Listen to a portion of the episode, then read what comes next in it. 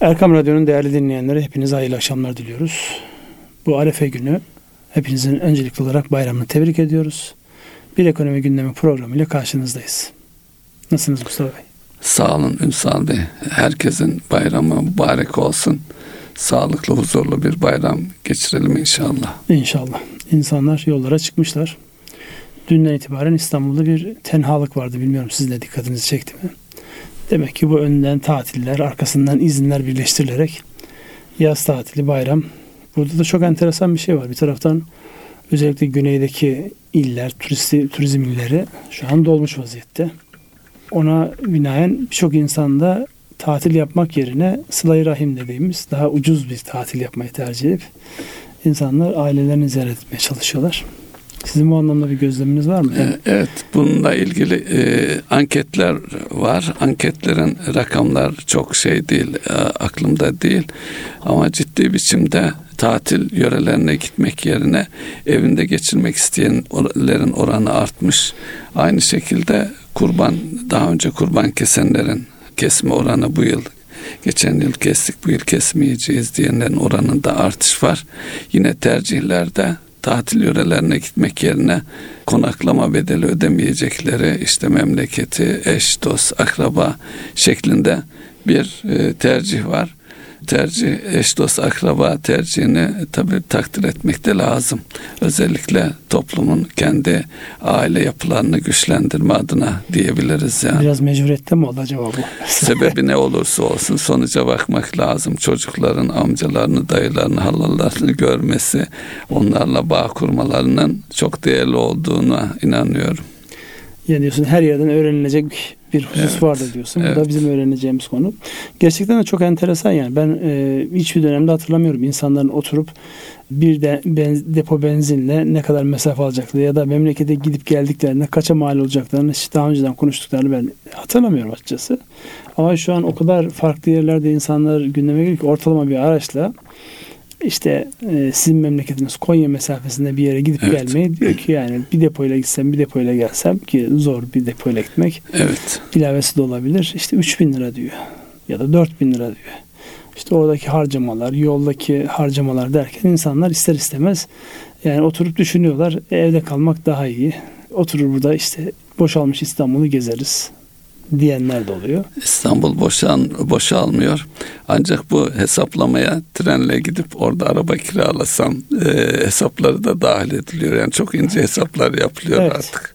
Yani Günümüzde. insanımız ince hesap yapmayı öğrendi. Eskiden özellikle yurt dışına gidildiğinde Almanya'ya gidenler için söylüyorum. İşte burada ziyarete gitmişler ya da turistik gezi olarak gitmişler. Orada insanların meyveleri taneyle almalarını ya da işte bu tip ince hesaplar yapmalarını böyle müstehsi bir tavırla biraz da dalga geçerek anlatırlar diye. Adamlar taneyle elma alıyorlar, taneyle portakal alıyorlar diye. Hele hele ee, karpuzu dilimle filan alıyorlar diye asıl evet. e, komik e, bulunan oydu yani. Komik bulunan oydu. Şu an bildiğimiz bayağı ciddi marketlerde kesilmiş dilimli karpuz satılıyor. Bu bir anlamda yani boşa giden, e, ısraf olan, çöpe giden şeyleri de dengelemek açısından önemli bir bakış açısı. Herkese verimli olmayı, tutumlu olmayı, ince hesap yapmayı öğretilen bir dönem öğrendiğimiz bir dönem. Böyle keyifli öğrenmiyoruz. Biraz zorak öğreniyoruz ama öğreniyoruz. Onun da kendi içerisinde böyle bir e, hani tadına varmak, kıymetini bilmek gibi bir husus var. Özellikle bu bilmiyorum siz yapar mısınız bunu? Böyle zamanı yetmediğinden şikayetçi olan insanlar işte imkan olsa da 24 saate bir 24 saat daha katsak da çalışsak diyen insanlara zaman zaman böyle bir e, meditasyon yöntemleriyle bir yavaşlatma, hayatın yavaşlaması. Ya onda çok basit. En sevdiğiniz işte bir tatlı olsun. Bazen bir çikolatadır, bazen bir lokumdur. Böyle hemen ağzınıza atıp yemekle böyle yavaş yavaş yemek arasındaki fark. Hayatı çok hızlı yaşıyoruz. Tefekkür çok hızlı tamam deniyor ee, şey boyutunda da. Siz ona bir de şey dekleriniz, kavramsal boyut da kattınız. Tefekkürül tam kısmında insanlar ne yaptıklarını, harcadıkları zamanları daha böyle bilinçli, daha yavaş ve tüketerek yani tüketerek derken tadına vararak tüketecekleri bir şekilde dönüştürmemiz lazım. Evet gelelim ekonomiye. Ee, buradan Şimdi, hareketle biraz daha devam edelim bence. Çünkü enerji fiyatları, elektrik, doğalgaz fiyatları arttığı için özellikle Batı ülkelerinde de başlamış bir şey. Hani bu e, tatile giderken yapılan ince hesaptan bahsettik. Bu arada da elektrik, e, doğalgaz faturalarını aşağı çekebilmek için oradaki israf kaynaklarını da nelerde nerelerde israf oluyor onları da ince düşünmeye başlamak gerekiyor. Düşünenler de var. Mesela şimdi yaz günü klimalar e, çalışıyor mu? Klima çalışırken pencere kapı açık mı? Onlara dikkat etmek gerekiyor. İşte açık bırakılan elektrikler, e, işte boş yere kaynatılan işte e, çaydanlıklar altını açıp gidiyorsunuz işte. Anladım. Buna Sizin evde şu an bir gider yönetim ekonomisi uygulanıyor. E, herkesin uygulaması lazım ama en azından ne yaparsınız yapın şey yaklaşım şu. Eğer siz e, yani paranız yetmiyorsa para e, yetiştirebilmek için veya tasarruf e, tasarruftan önce israfa düşünmek lazım. En az yüzde on mutlaka bunu yakalarsınız gibi bir e, şey var. Bu da gerçekçi bir rakam yani bakıldığında eğer 300 lira elektrik e, parası geliyorsa bunu 270 liraya çekmek mümkün. Ona göre tabii bu aile içerisinde de bu kültürün işlenmesi gerekiyor. Kanıksanması, algılanması, alış her şeyden öncesi alışkanlığa dönüştürülmesi gerekiyor. Tam da bu dediğiniz noktada aslında bizim enerji verimli üzerine çalışan bir arkadaşımız var. Kulaklar açılmasın. Onun sürekli böyle uyardığı, televizyonlara çıkarıyor, çıkıp uyarıyor, radyo programları yapıyor. Onun söylemiş olduğu bir şey var. Yani hani şu bazı uzatma kablolarında şey olur, ışıklı gösterge olur. Evet.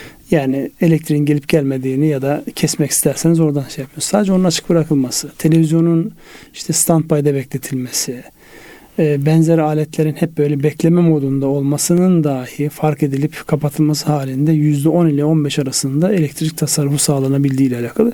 Bunu böyle ölçerek yani o sadece böyle gökyüzüne bakıp tahminde bulunmuyor. Ciddi ciddi aletleri, edevatları takarak evlerden fabrikalara kadar hatta orada tabii e, özellikle fabrikalar tarafında e, ısıtma ve soğutma sistemleri de dikkat alındığında çok ciddi enerji kayıpları var. Yani fabrikanın bir tarafında sıcak su lazım, öbür tarafında soğutmak gerekiyor. Bunu tek bir mekanizmayla eş zamanlı olarak yapabilmek mümkünken her bir için ayrı ayrı yatırımlar yapılıyor.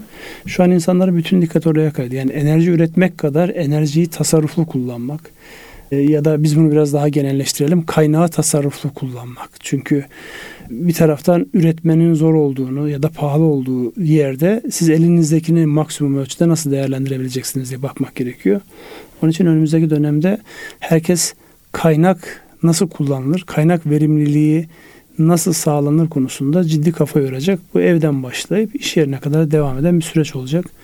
Bunun da en e, önemlisi inşallah o günde gelir. Zamanı nasıl efektif kullanabiliriz konusunda bir süreçte e, yaşanır diye umut ediyorum ben. Onunla ilgili de zamanı değerli kullanma üzerine de çalışmalar var bir takım Eisenhower matrisi var. Belki burada e, anlatmak yerinde olur mu olmaz mı bilmiyorum. Belki uygun bir zamanda bunlara da girebiliriz. Evet yani insanların zamanını önemli işlere öncelik diye kitaplar yazılıyor biliyorsunuz evet. bu konularda. Önemli iş olan hangisidir? Önemli iş madem Eisenhower matrisini orta yaptınız ben de ortaya bir kafa vuruşuyla e, karşılık vereyim. Başkasına devredebileceğiniz bir iş varsa o iş sizin için önemli değildir diyor bu da söyleyen kim? Amerika Birleşik Devletleri Başkanlığı yapmış birisi. Ya onun ötesinde bizde daha e, değerli olan şeyler var. Yani bu anlamda baktığınızda zamanın efektif kullanılması anlamda iki gün eşit olan ziyandadır diye Allah Resulü'nün bir sözü var. Dolayısıyla zaman bu anlamda çok çabuk tükettiğimiz, boşa tükettiğimiz özellikle bu e, elektronik bağımlılığıyla gelen çok ciddi bir ısraf var. Hepimiz dünyanın dört bir yanındaki haberleri dört gözümüzü açmış vaziyette. Bütün alıcılarımızı almış vaziyette izliyoruz. Neyse. Ekonomiye dönelim yine? Evet. Ekonomi. E, bu konuştuğumuz da ekonomiydi zaten. Konuştuğumuz da ekonomi ama yani yine rakamlara dönelim. Bugün çok enteresan bir şey oldu. İTO Başkanı'nın madem önceden tedbir almakla alakalı bir not almışım onu.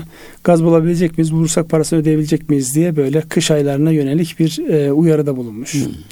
Dolayısıyla aslında bunlar yani biraz fütürist dedikleri biraz dalga geçerek de konuşuyorlar. Gelecekle alakalı olabileceklerin ihtimalleri yani Allah bilir geleceği de ihtimalleri düşünerek ona göre tedbir almak, ona göre strateji geliştirmek bu olması gereken en temel unsurlardan bir tanesi. Dolayısıyla burada şu an cari dengede ciddi bir açık verdik. Mayıs ayı rakamları yayınlandı. Onları herhalde işleyeceksiniz. 6.5 milyar dolarlık bir açığımız var. Öbür tarafta e, enflasyonla alakalı beklentiler e, Merkez Bankası'nın yapmış olduğu ankete göre aynen devam ediyor. Şimdiden yıl sonunu 69 nokta küsur bir rakam beklenti açıklandı. Yani 70'i artık biz yıl sonunda göreceğiz diye Merkez Bankası'nın beklenti anketi bize söylüyor. Üstü var altı yok. Yine e, İTO Başkanı'nın söylemiş olduğu şeyle enerji fiyatlarında %373 artış oldu. Dolayısıyla bunu oturup bir daha düşünmemiz gerekir diye böyle bir şey var. Bir kısmı içeriden bir kısmı dışarıdan kaynaklanıyor bunlar. Buyurun. Evet. Siz nereden bahsetmek istersiniz? Enflasyon mu diyeceğiz? Enflasyondan da bahsedilebilir. Yani bu söylediğiniz konu cari açın. Şimdi yaz turizm sezonu iyi gidiyor. Geçen yıla göre ciddi e, turizm gelirlerinde artış var. İhracat devam ediyor. Orada da bir takım belki değineceğiz bu son kredi uygulamalar nedeniyle ihracat yapan firmaların da bir takım güçlükleri var. Ancak devam ediyor. Tabii bu özellikle enerji faturasının yükseldiği, yükselmeye devam ettiği koşullarda inşallah bu daha aşağı düşer, fatura azalır.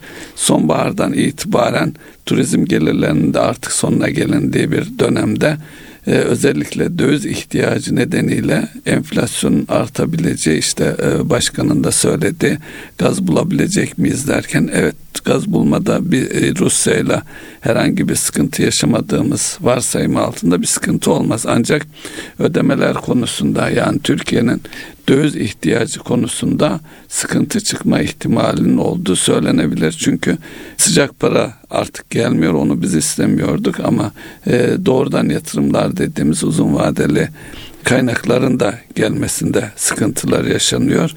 Gelmiyor daha doğrusu sadece bankaların sendikasyonları sorunsuz olarak e, yenileniyor. E, bu zaviyeden bakılırsa sonbahar biraz daha sert geçebilir mi? Ne dersiniz? Kışa doğru özellikle. Ya kışa doğru e, sert. Şurada şu an ihracatla büyümeyi yani kendimize önemli bir strateji olarak benimsemiş durumdayız. Fakat baktığımızda özellikle ihracatın arkasında yatan ciddi bir ithalat girdisi var. Orada maliyetler artıyor. Onun haricinde ihracatçıların getirmiş olduğu dövizlerin işte bir kısmının bozulmasıyla alakalı Merkez Bankası'nın e, dolaylı olarak BDDK'nın da o anlamda düzenlemeler var. Bunlar yan yana koyduğumuzda yani asıl büyümedeki temel model olarak benimsemiş olduğumuz ihracatı şu an çok destekleyemiyoruz. Yani nereden desteklemiyoruz? Sizin söylemiş olduğunuz o kaynağa erişim problemi başladı. Yani şu an kamu bankaları biliyorsunuz piyasaya çok ciddi bir şekilde destekliyordu. Ama orada da kaynak belli bir yere kadar geldi, dayandı. Özellikle geçtiğimiz 6 aylık dönem içerisinde krediler nerede yoğunlaşmış diye baktığımızda ticari kredilerin artış oranı ile tüketici kredilerin artış oranında tüketiciler kredileri lehine bir e, görüntü vardı. Bu da şunu gösteriyor. Sanayiye, üretime ya da ticarete gitmemişiz. Kaynaklar olarak e, tüketime gitmişiz. Tüketimin de bir ucunda bir ticaret var ama bunu bu ticaretin özellikle üreten ekonomiyi destekleyen ticaret olmama ihtimalini düşünerek ya da işte yurt dışında üretilmiş bir aracın alımı ile alakalı ya da elektronik eşyaların alımı ile alakalı kullandığını düşünürsek bu anlamda BDDK'nın özellikle üretimi destekleyen kredilere yönelik bir çabası vardı. Hatta e, Hazine Maliye Bakanı'nın işte selektif kredi sistemine geçiyoruz. Bundan sonra daha bilinçli ve seçici davranacağız şeklinde. Fakat şu an kaynakta bir sıkıntı var. Yani en temel kaynak sağlayıcı Merkez Bankası. Merkez Bankası'nın bile baktığımızda bu günlük vermiş olduğu %14 ile vermiş olduğu bankaların %25'te başlayıp sonra 40'lara kadar çekmiş olduğu kaynaklarda bir daralma var. Öbür tarafta reskont kredileri dediğimiz yani asıl seçicilik orada kendini gösteriyor. İşte ihracatın desteklenmesiyle alakalı. Exim Bank üzerinden kullandırılan kaynaklarda da ciddi bir daralma var. Hatta orada şöyle bir de cazibe oluşturmuş durumda. Yani bilmeyenlerin e, en azından görmesi açısından politika oranı e, %14. Reskont kredileri Exim Bank üzerinden kullanan %10. Ama iş dünyasında insanlara kullandığımızda yani bu bunları konuştuğumuzda kullanma konusunda kendisince bir sıkıntı görmeyen insanlara %10'la herhangi bir kaynak temin etmediklerini söylüyorlar. Dolayısıyla erişim zorlaşıyor. Bir de bilançolarında döviz bulunduran firmaların o dövizleri bozdurmamaları halinde kredi kullanamamak gibi bir düzenleme gelmişti malumunuz BDDK tarafından. Geçtiğimiz 15 on, milyon sınırı var evet, orada. 15 milyon sınırı. Geçtiğimiz 10-15 gün içerisinde burada e, ciddi bir kafa karışıklığı yaşandı açıkçası. BDDK'nın yapmış olduğu düzenlemede hemen bir bağımsız denetim şirketinin gelip durum tespiti ve bankalarında bu durum tespitini görmeden kredi kullandırmamaları şeklinde bir net düzenlemesi vardı. Fakat ne bağımsız denetim anlık yapılabilir ne de bu anlamda yürüyen işler birden böyle kesilip dur bakalım ne yapacağız sorusuna cevap bulunabilir. O anlamda biraz kafa karışıklığı yaşandı. Şimdi değiştirdiler o mevzuatı mali müşavirlerin onayı ki arada aslında başlangıçta bir taahhüt diye bir e, kavram kullanmışlardı fakat bankalar e, cezaya muhatap olmamak açısından taahhüde çok itibar etmediler açıkçası. Bağımsız denetim raporu diye ısrar ettiler. Birçok firma yürüyen birçok işini yavaşlatmak zorunda kaldı bu anlamda. Dolayısıyla gayri ihtiyari şunu soruyoruz. Bazı düzenlemeler yapılırken herhalde etki analizi yapılmıyor. Yani ben bu karar aldığımda bundan kim etkilenir, nasıl etkilenir, e, fayda umarken fayda mı elde ederim? Fayda umarken zarar mı çıkar ortaya ve bu zarar göğüslenebilir bir zarar mıdır diye. Bazen böyle şeyler olmuyor. Aceleye getiriliyor gibi bir görüntü var. Ama şu bir realite. Şu an kaynağa ulaşmak nispeten zorlaştı ve daha pahalı hale geldi. Ekonomiyi soğutmadan istihdamı bütün hızıyla devam ettirme politikasını önümüzdeki günlerde daha net göreceğiz. Araya bir de bayram tatilleri girecek biraz böyle yani karanlık bir senaryo yok ama biraz zorlu bir sürece girdiğimiz gün gibi ortada. E, tabii bu e, nereden çıktı diye bakacak olursak işte iki hafta önce e, yine e, kur korumalı mevduat e, 1 trilyon sınırını geçmişti ve özellikle şirketler tarafında döviz tevdiat hesapları yönünde bir artış yaşanmıştı. Yaklaşık 1 milyar dolar seviyesinde toplamda bir rakam vardı. Ve bu tedbirlerde yine dövize yönelik hareketliliğin önünü alabilme. Çünkü döviz kuru yükselme eğilimine girmişti. Yine 17'nin üzerine çıkmıştı. Ee, geçtiğimiz haftaya baktığımız zaman bu alınan tedbirlerle kredi lerle ilgili bu tedbirlerin sonucu döviz sevdiyatlara ne şekilde yansıdı diye bakacak olursak yaklaşık 3 milyar doların üzerinde bir döviz sevdiyat hesabının da çözüldüğünü görüyoruz. Ama dediğiniz gibi bu ani kararlar firmaların normal faaliyetleri dışındaki alanlarda da işte kredi ihtiyacı, ithalatını nasıl yönetecek, transferini nasıl yapacak, parayı bozacak mı, bozmayacak mı konularında e, kafasını karıştıran, yoran bir sonucu da var yani. O belki enerjinin yanlış bir tarafa sarf edilmesi gibi. Tabii bu en ufak bir gecikmenin hele hele günümüzde lojistik konusu belki onu da e, Almanya özellikle gündeme getiriyor. Yani alıp sattığınız bir ürünün ülkeler arasında istediğiniz hızla ve süratle ve zamanında yerine ulaştırılmasında da ciddi sorunlar var. Tabii bu üretimde de bir takım aksamalar olduğunda işte ham maddeyi zamanında temin edememe veya teslim zamanlarında gecikme gibi bir takım sonuçları da karşımıza çıkıyor. Evet bu sonuçlar çıkıyor, çıkacak da gözüküyor. Ben bu arada biraz yani ortamı da şey yapmak istedim. Başbakanlık konusunda parti düzenlenirse ne olur? Nasıl? Başbakanlık konutunda. On numarada. Ha, e, eğer bu İngiltere'deyse başbakan kurtulamaz o işten yani öyle Yok, Kurtulmuş gibi duruyor şu an hala görevinde yeni bir başbakan atanıncaya kadar. İşte birkaç aylık süreç var. Şimdi burada da alışkanlıklar önemli. Demek ki nasıl bir kültürse pandemi nedeniyle herkesi evlerine e, hapsediyorsunuz. Ama siz e, başbakanlıkta parti veriyorsunuz ve bu da e, tabii saklanamaz bir şey insanlar. Yani ben ilk haber haber düştüğünü e, anlayamadım önce. Evet. Haber geldiğini anlamadım yani. Kabineden işte 10-12 kişi istifa ediyor. İşte başbakanın göreve getirdiği adam başbakanın e, istifasını istiyor. Ben bu adamla çalışmam diyor. Önce anlayamadım ben ne oluyor burada diye. Yani acaba çok ciddi bir şey mi var bu Ukrayna ile alakalı olan mesele? Çünkü hemen arkasından da Amerika'nın bir açıklaması geldi. Yani habere başlangıçta çok önem vermeyince işte Johnson'ın görevinden e, ya da Johnson'ın durumu şeye olan desteği e, değiştirmeyecek. Ukrayna savaşına olan işte desteği değiştirmeyecek falan gibi açıklamalar yapınca ben ciddi bir şey var zannettim. Sonra çıka çıka arkada e, hatta e, Covid kurallarına uymuyor diye başbakana ceza bile kesmişler. e, birkaç kere. Hı. Yani e, şey uymuyorsunuz buradaki Covid kurallarına insanları bir araya toplamama hadisesiyle alakalı. Neyse eğlenceli günler yaşıyoruz. Bu arada ekonomiye tekrar dönmeden. Bu konuyu biraz daha konuşalım çünkü neticede ilişkiler de belirleyici. Özellikle e, İngiltere ile Türkiye arasındaki ilişkiler bu Brexit'den sonra e, olumlu yönde ilerleme kaydetti. Ticaretimiz onlarla daha da yükseldi.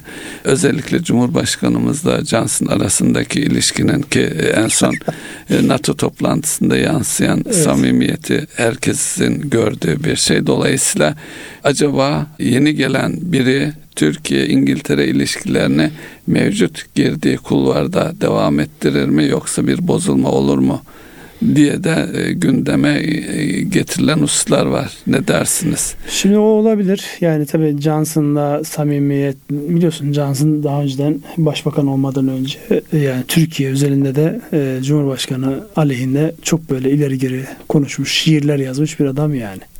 Ama dedeleri de buraya dayanıyor. Yani evet dedeleri buraya dayanıyor. Cumhurbaşkanımız sormuş yani sen na, nasıl Osmanlı torunusun hadi biraz Türkçe konuş deyince o da çok güzel mi demiş bir şey demiş işte. yani biliyor bir iki tane kelime biliyor en azından.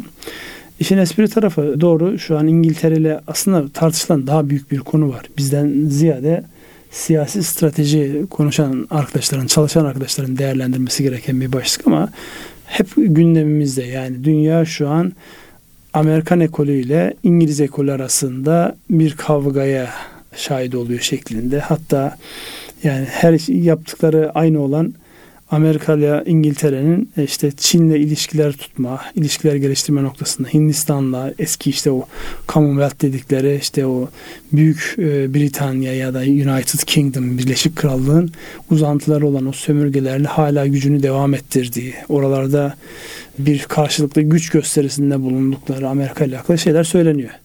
Onu çok bilemiyoruz çünkü ne e, Amerika o zamanki Amerika ne İngiltere o zamanki İngiltere. Fakat siyasi etkileşim anlamında bu bir eğer ekolse İngiliz ekolü dünyanın dört bir tarafında çok kuvvetli bir ekol. Çünkü ne yaparsak yapalım yetiştiğimiz okul bize ekol anlamında çok ciddi şekil veriyor. Yani e, burada işte ekonomiyi yorumluyoruz. Ekonomiyi yorumlarken ki bakış açımız ne? Bunca zamanki işte hem okullardan almış olduğumuz eğitimler, işte finans olarak mesleki icra ettiğimiz dönemdeki bildiklerimiz, yaşadıklarımız, yaşadıklarımız, tecrübeyle öğrendiklerimiz bize şunu söylüyor. Alınan bir karar ha bu olur diyor. Bazen bu olmaz diyorsun yani. Niye? Geçmiş deneyim sana onu söylüyor. Hani e, uluslararası ilişkilerde de böyle. Geçmişteki kurulan ilişkiler ki Osmanlı mesela uzun yıllar Fransa etkisindeydi. Hatta bizim aydınlarımızın en önemli özelliği Fransızca bilmeleriydi. Ana dili gibi Fransızca bilmeleriydi.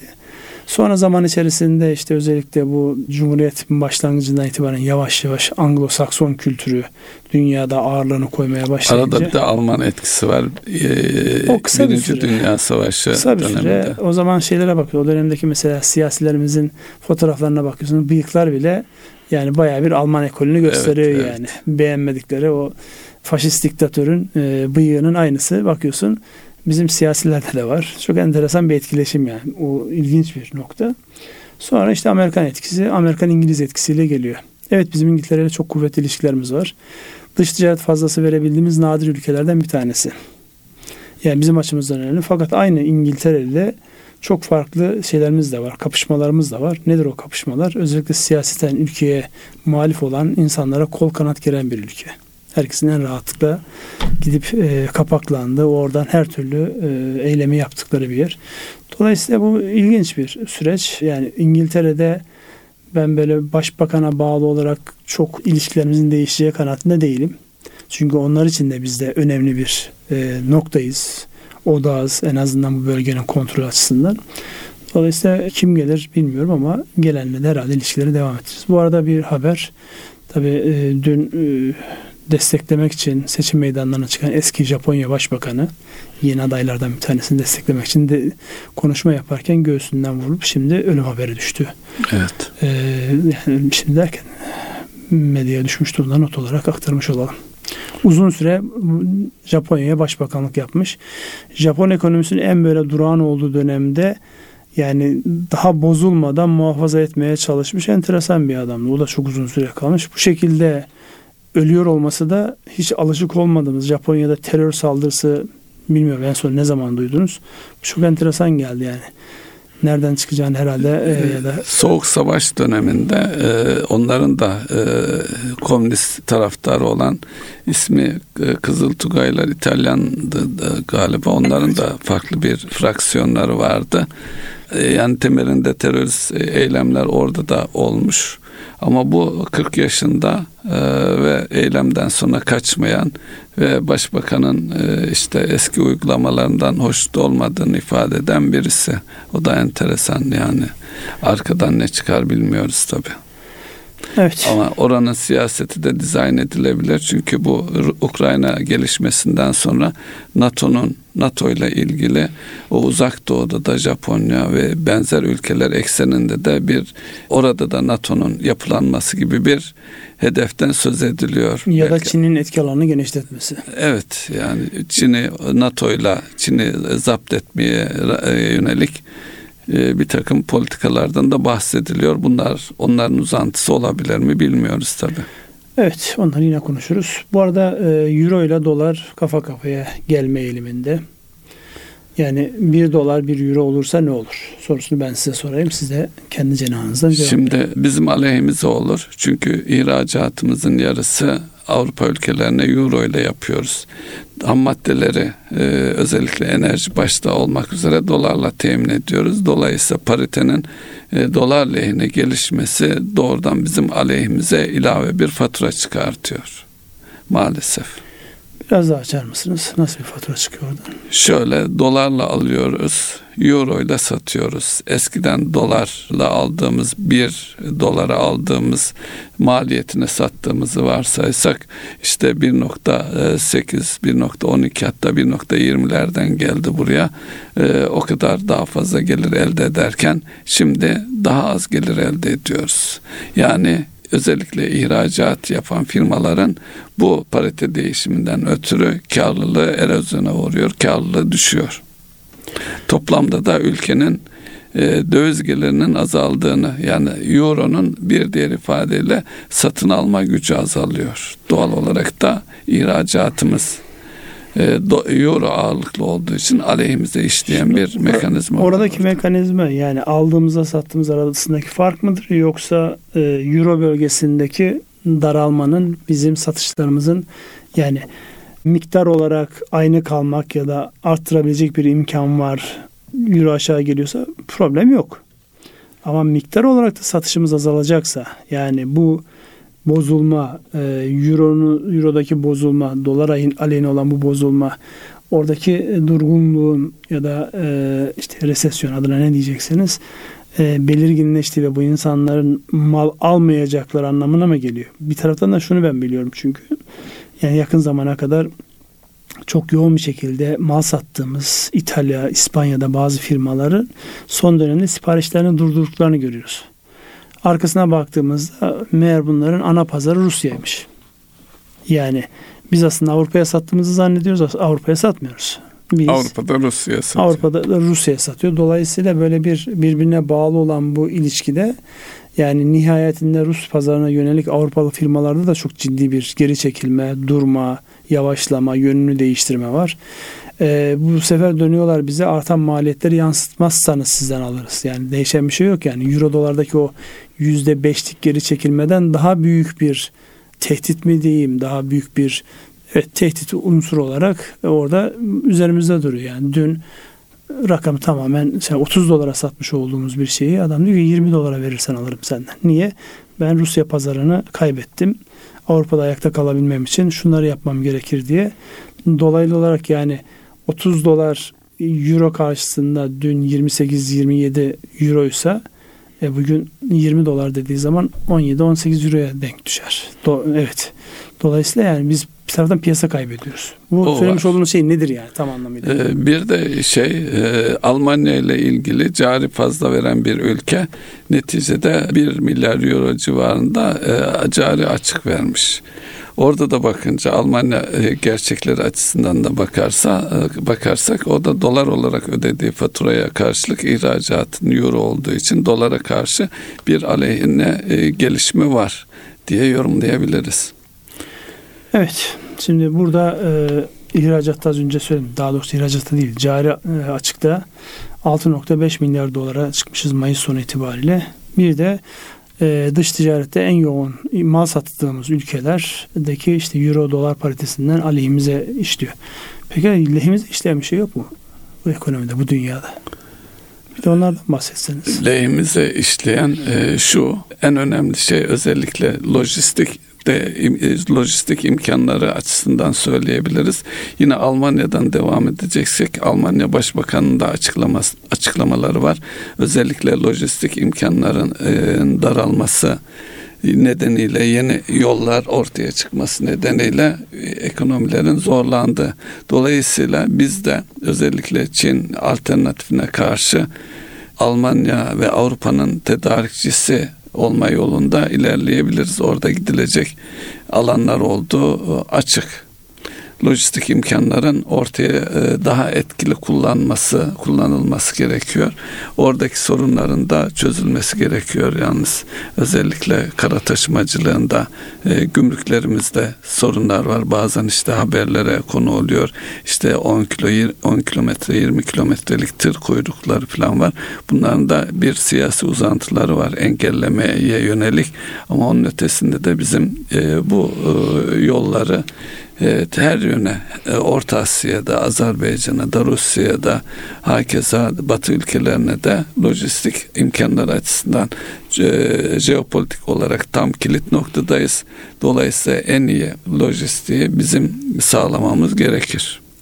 Evet gerekir. Bir taraftan Fırsatlardan bir tanesi fırsatlar, bu. Bir taraftan maliyetler var. Öbür taraftan da artan lojistik, navlun bedelleri aslında buradaki faaliyet gösteren firmaların aslında bir taraftan zorlukken öbür taraftan da yeni bir imkan demek. Karlılığı artıracak, verimliliği artıracak. Fakat burada e, sizin de vurgu yaptığınız şey var. Çevremizde bizden geçilen ülkeler işte İran, işte Gürcistan, Bulgaristan, Yunanistan gibi e, ülkelerde bir kısmı lojistik e, yani kamyonların kendi üzerlerinden geçmeyip kendilerine devredilip onların taşıma gibi önerileri var.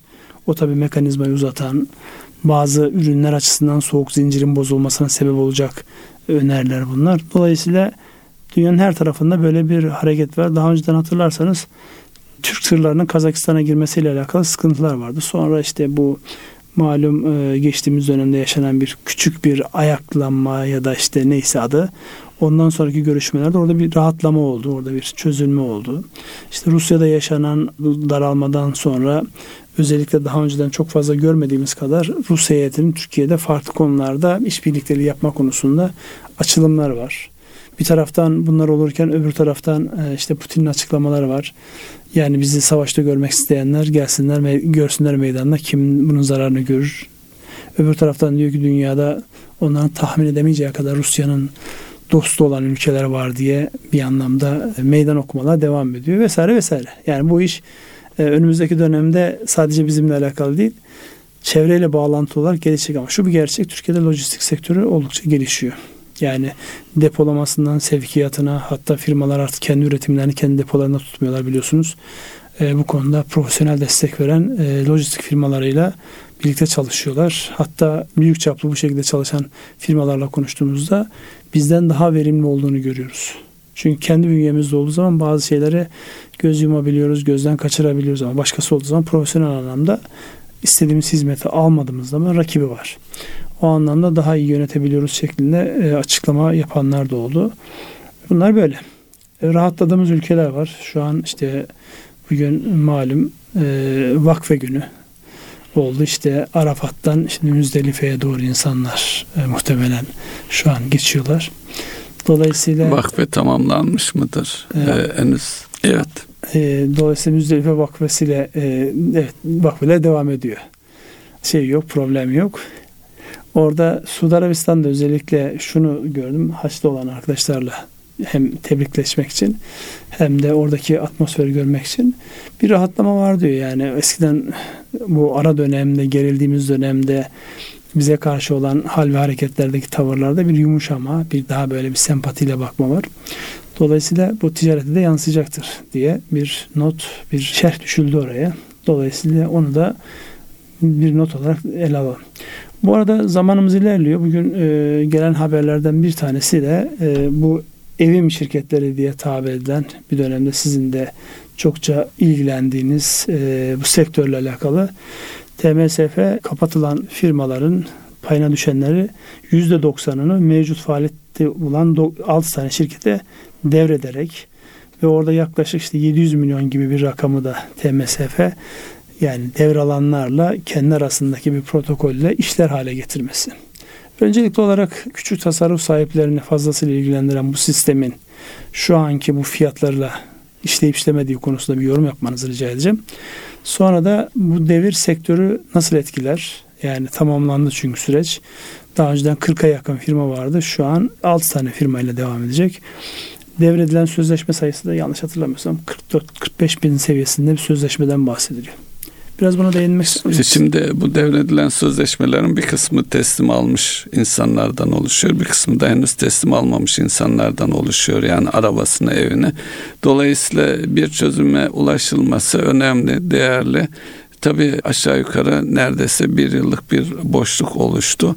Bu insanlar son dönemdeki enflasyon oranında dikkate alırsak ki bunların tümü TL idi.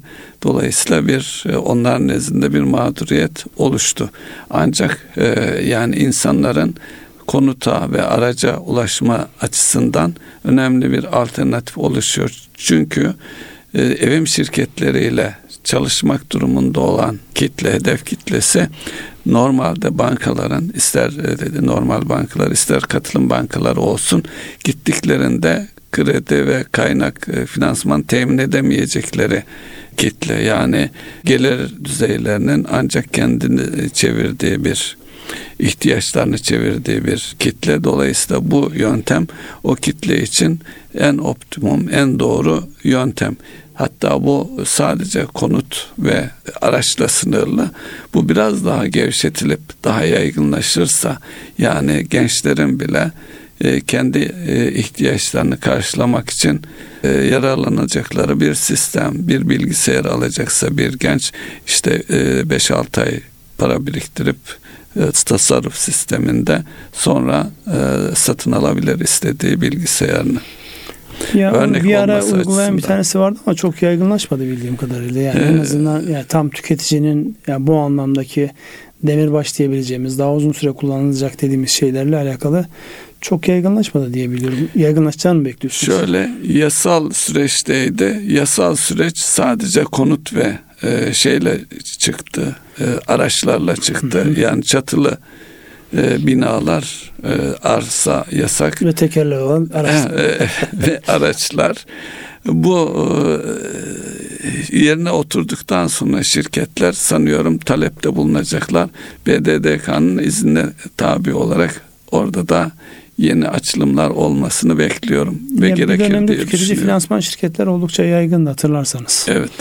Dolayısıyla yani burada tabii e, asıl olan havuz oluşturmak yani burada e, sıraya girip ben işte 15 ay sonra bilgisayar alırım demek biraz yani mantığına biraz çok oturmuyor. Yani buradaki e, ne derler paylaşma sistemi olduğu için yani özellikle bu bahsetmiş olduğunuz alet edevatlarda biraz e, teknik olarak çok kolay gibi görünüyor ama şu olabilir. Buradan BDDK'nın vereceği izinler çerçevesinde bu şirketler kendi öz kaynaklarından bu tip şeyler yapabilirler. De Orada sadece alınacakları alacakları o komisyon onları kurtarır mı sorusunun cevabı. Evet. Onu bilmiyoruz. Onu önümüzdeki dönemde göreceğiz. Öncelikli olarak hali hazırda artan fiyatlardan dolayı insanlar başlangıçta düşündükleri yani bir sisteme girdim. Benim 50 bin liram var. Sistemin sonucunda bana işte 400 bin lira verecekler ve 400 bin lirayla bir ev alacağım, araç alacağım şeyi. Biraz teorik olarak zorlandı fiyatların yukarı gitmesinden dolayı. Yani önümüzdeki dönemde dengelenecektir ama enflasyon yüksek olduğu dönemlerde değil de daha düşük olduğu evet. dönemlerin ürünü bu. Yani bu dönemde sadece insanlar tasarruf edebilirler. Tasarruf ederler de işte ee, ne ancak e, tabii enflasyonlu dönemde çok zor. Enflasyon. Yani oradaki taleplerin de azaldığını duyuyoruz. Yani e, bir kere netleşmediği için yani insanlar şu an e, günü kurtarmanın derdinde olduğu için henüz daha bunu ne tarafa yönlendireyim değil. Bankalar çekilmiş vaziyette. Hepsinden önemlisi de fiyatlardaki bu oynaklık insanları rahat hareket ettiremiyor. Yani e, biliyorum çekilişte günü gelmiş ama istediği konutu ya da aracı bulamadığı için hakkı doğduğu halde öteleyen yani bir ay sonra kullanacağım, iki ay sonra kullanacağım diyen insanların da e, olduğu vaki. Tamam devam edelim isterseniz e, gündeminizdeki e, şimdi enflasyondan bahsettik adını söyledik ama e, bilgi vermedik. E, gerçi artık e, pazartesi açıklandığı için herkes tarafından biliniyor ama biz de ifade etmiş olalım. Tüketici fiyatları e, Haziran ayında yüzde 4,95 seviyesinde arttı. Yıllık 78.62 seviyesine tekabül ediyor. Burada da e, ana kalem olarak bakıldığında ulaştırma e, yüzde 123 ile dikkat çekiyor. Yine aylık değişimde de yine ulaştırma yüzde 10,59'da dikkat çekiyor. Bir de e, üretici fiyatlarına bakmakta yarar var. Orada da yüzde 6,77'lik bir artış var. Orada da e, rekor seviyede yüzde 138,31'lik bir artışa tekabül ediyor. E, burada da artış yıllıkta elektrik, gaz e, yüzde 369'da e, yüksek bir oranda. Onu enerji yüzde 317 ile takip ediyor. Aylıkta baktığımızda da yine enerji yüzde 12 ve elektrik gaz yüzde 9,53 ile yüksek bir seyirde. E, bunu şu açıdan vurgulamak lazım. Neticede zaman içerisinde üretici fiyatlarındaki artışlar tüketici fiyatlarındaki artışlara yansıyacaktır. Bunun da ne kadar zamana uzarsa o kadar etkisi az olacaktır.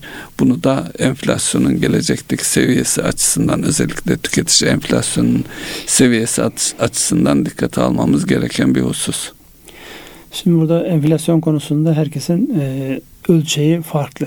Herkes kendi enflasyon sepetini oluşturmuş. O enflasyon sepetine göre herkes bir oran telaffuz ediyor. Bilmiyorum sizin kendinize geliştirdiğiniz bir oran var mı? Daha önceden biliyorsunuz enflasyona değil de e, kişi başına gelirle alakalı işte bu e, burger fiyatlarıyla bütün dünyayı karşılaştıran evet. bir mekanizma vardı. Şimdi onu zaman zaman böyle gazetelerde köşe yazılarında görüyorum. Herkes kendine göre yoğurt fiyatlarından e, işte ben yoğurdu çok seviyorum. Bir akademisyen bayağı gülmüştüm. enflasyonu yoğurt üzerinden hesaplıyorum. İşte geçen sene kaç paraydı yoğurt? İşte x lira. Şu an kaç para? Benim enflasyonum bu kadar diyor. Niye? Çünkü bizim evde diyor en fazla tüketilen yani özel şeyimizden dolayı yoğurt diyor. En net gördüğümüz fiyat farkı orada. Kimisi makarna üzerine yapıyor. Bugün e, yine gazetelerden bir tanesinde görmüştüm adam ne demiştik? Ispanakla ceviz enflasyonu mu? Öyle o da kendine göre ıspanak ceviz enflasyonu diye bir şey yapmış. Yani herkes kendi enflasyonu hesaplıyor. Burada bir gerçeklik var. O da şu harcama sepetleri daraldıkça insanların hoşnutsuzluğu artıyor. Yani mevcudu iyi çevirebiliyorsa, gelir ona yetiyorsa ki sabit gelirlerde bu mümkün değil. Ticarette de mümkün değil. Özellikle şimdi üretimde ve sanayiye bağlı olan şeylerde evet fiyat artışları net görüyorsunuz ama hizmetler sektöründe bu kadar net artmadı. Herkes otel fiyatlarıyla karşılaştırıyor. Şimdi herkes otel işletmiyor ya da otel fiyatlarına yansımıyor. Tam tersine işte e, bizim gibi hizmet sektöründe çalışan insanların evet yani fiyat yükseltmeye kalktığında herkes diyor ama abi diyor siz diyor benzinle mi çalışıyorsunuz? Dövizle mi çalışıyorsunuz? ya biz çalışmıyoruz da evdeki ihtiyaçlar benzinle yani dövizle işliyor. Dolayısıyla böyle enteresan bir şey var. Bu arada bilmiyorum size geldi mi? kadar bir tarihte e, satın almış olduğunuz bir devre mülkle alakalı Temmuz ayındaki düzeltmeden dolayı yüzde 40 mı 45 mi şu an oranını hatırlamıyorum bir düzeltme yapıyoruz. E, gönderin. Aksi takdirde işte hizmetlerimiz aksayacaktır diye. Yani her taraftan yağıyor. Yani halbuki şunu söylüyorsun. Sene başında ben ödedim. Yani evet. sene başında ödedim ve ben e, bu devre mülkleri ne zaman yararlanacağım? Temmuz'da Ağustos'ta yararlanacağım. Önceden ödemiş olmanın herhangi bir şeyi yok mu? Yok diyorlar. Dolayısıyla herkes eline aldı istediği yerden kesiyor. Ee, sadece o mu? Site aidatlarıyla ilgili şeyler de geldi. Aşağı yukarı yıl başında artmıştı. Şimdi yeni bir artış var ve bunun e, uzantıları da var. Ee, ya bir taraf işte, haklı Çünkü ücretler e, arttı yani. Ücretlere bağlı olarak e, kıdem tazminatlarıydı, şunlardı, bunlardı. Neticede hizmet sektöründe çalışanlar enflasyona karşı en zayıf kesim. E, fiyatlama konusunda e, çok zor hareket eder, kabul ettirirler daha doğrusu. Evet. Ya da sert davranacaklar, müşteri kaybedecekler. Öyle mi? E, aynı yere geliyor neticede. Aynı yere geliyor. Evet süremizin sonuna geldik. Nasıl bağlamak istersiniz? Ee, yine bayram başta söyledik ama tekrardan tüm dinleyenlerimizin bayramı mübarek olsun diyerek tamamlayalım. Evet bugün e, öğle üzerinden başlayan gece boyunca devam edecek olan vakfelerde oradaki edilen dualara dualarımızı birleştirip hayırlar umalım. Yani hem kendimiz için hem ülkemiz için hem ümmet için hem insanlık için hayırlar gelsin inşallah. Erkam Radyo'nun değerli dinleyenleri bir ekonomi gündem programının daha sonuna geldik. Hayırlı akşamlar diliyorum.